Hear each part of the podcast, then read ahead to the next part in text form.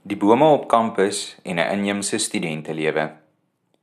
Terwyl ek met heimwee op die Pik kampus rondwandel in die laaste weke van my studente loopbaan, kyk ek pynsend na die verskeidenheid uitheemse bome rondom my. Platane, eike, denne, sipresse en suurbome en klimoppe wat teen lesingssaalmure uitrank.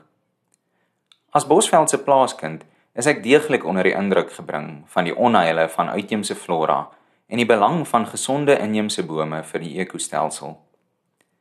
Indringers vervuil en gebruik water op. Inheemse plante beskerm die grond teen erosie en vestig habitatte vir inheemse diere. So kry 'n mens naderhand 'n aanvoeling vir watter bome eintlik in ons land tuishoort en watter duidelik van ver ingevoer is. Dis hierdie aanvoeling van my wat taamlik verward gelaat word as ek na die bome op kampus kyk want die bome lyk so inheems aan 'n universiteit, maar so uitheems aan Afrika. As ek my die ideale kampus voorstel, kan ek nie anders as om aan Europese of Noord-Amerikaanse bome op die universiteitsterrein te dink nie. Toegegee, daar was antieke universiteite in die Arabiese en Oosterse wêrelde ook, maar die Europese weergawe staan voorop in die moderne mens se verbeelding. Ek kan my nie indink Hoe lyk 'n prestige universiteit met wilde seringe, boekenhoute en krimetarte tussen die geboue nie? Daar is niks fout met die inheemse bome op sigself nie, maar die passing daarvan met die grootliks uitheemse konsep van 'n universiteit is nie baie harmonieus nie. Afrika, suid van die Sahara, het die universiteit nog nie so sy eie gemaak dat dit die beelde in my onderbewussyn vorm as ek 'n vername navorsingsinstelling in my gedagtes oproep nie. Om op te som. Die uitheemse bome pas nie in Suid-Afrika nie, maar die inheemse bome pas nie by my idee van 'n gesogte universiteitskampus nie.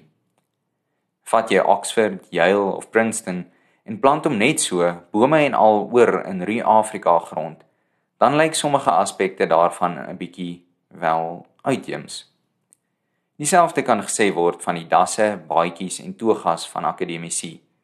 Dis duidelik nie ontwerp vir Afrika se somerklimaat nie. Maar dis nou eenmaal wat ons ken as akademiese drag en dis vereers waarmee ons opgeskeep sal sit. Iets daaraan is inheems, maar iets daaraan is ook uitheems. Hoe lyk die inheemse studentelewe? Afgesien daarvan dat ek vir 5 jaar lank daagliks onder deur 'n dak van uitheemse plataanblare gestap het in Lovers Lane, het ek ook 5 jaar lank in 'n kampuskoshuis deurgebring wat 'n mengsel van inheemse en uitheemse trekke gehad het. In teenstelling met die bome op kampus, het Afrikaanse koshuistradisies wat deur Afrikaner studente uitgeleef is, niks anders as 'n inheemse beeld geskep nie.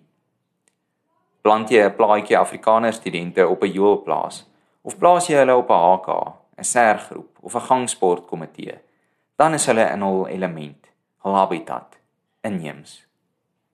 Ek weet nie presies hoe die studentelewe aan Europese universiteite van eeue gelede gelyk het nie.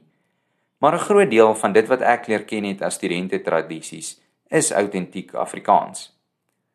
Anders as die kampusbome en die akademiese drag, het die Afrikaanse studentelewe daarin geslaag om 'n eie baadjie aan te trek wat goed pas. Vertaal jy egter die hele storie net so na Engels, en vra Zulu, Tswana, Bruin en Afrikaner studente om dit met eweveel ywer uit te leef, dan voel dit weer 'n bietjie soos om Princeton met sy bome in Pretoria oor te plant. Ongemaklik, uitheems. Om die slagspreuk aan te pas. Dit wat deur Afrikaanse studente vir Afrikaanse studente geskep is, is moeilik om onveranderd oor te dra na ander kulture.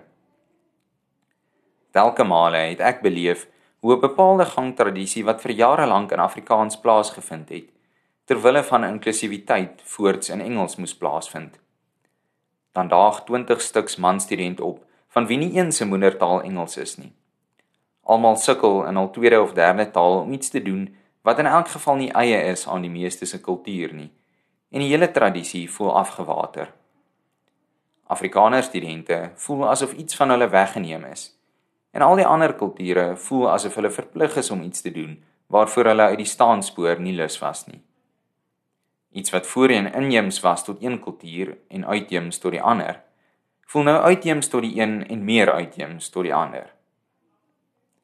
Tog vertel ek hierdie verhaal wel bewus van die nood wat daar is vir studente tradisies in ander tale en kulture as Afrikaans. As ek byvoorbeeld 'n Tswana inwoner van 'n Potchefstroomse koshuis is, is dit heeltemal billik om te verwag dat my enigste opsie vir koshuis tradisies nie Afrikaner tradisies moet wees nie. Tog leer die onlangse geskiedenis ons dat dit nie werk om die Afrikaanse tradisies na Engels te vertaal en dan almal te verplig om daaraan deel te neem nie. Nes in die geval van die ekostelsel blyk dit dat die oplossing is om inheemse plant en die inheemse plante wat reeds daar is te bewaar. Anders sit ons kort voor lank met niks anders as 'n uitheemse studente lewe waarin niemand tuis voel nie.